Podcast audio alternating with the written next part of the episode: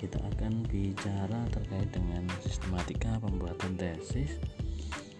Antara bagian inti kita masuk ke bagian inti. Di situ ada pilihannya adalah kuantitatif maupun kualitatif. Pada bab satu, prinsipnya sama. Terdiri dari pendahuluan.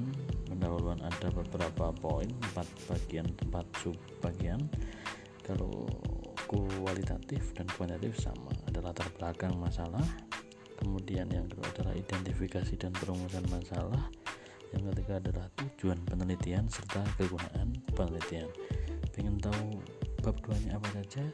Nanti kita akan kembali setelah kita dengarkan yang satu ini dulu. Oke? okay?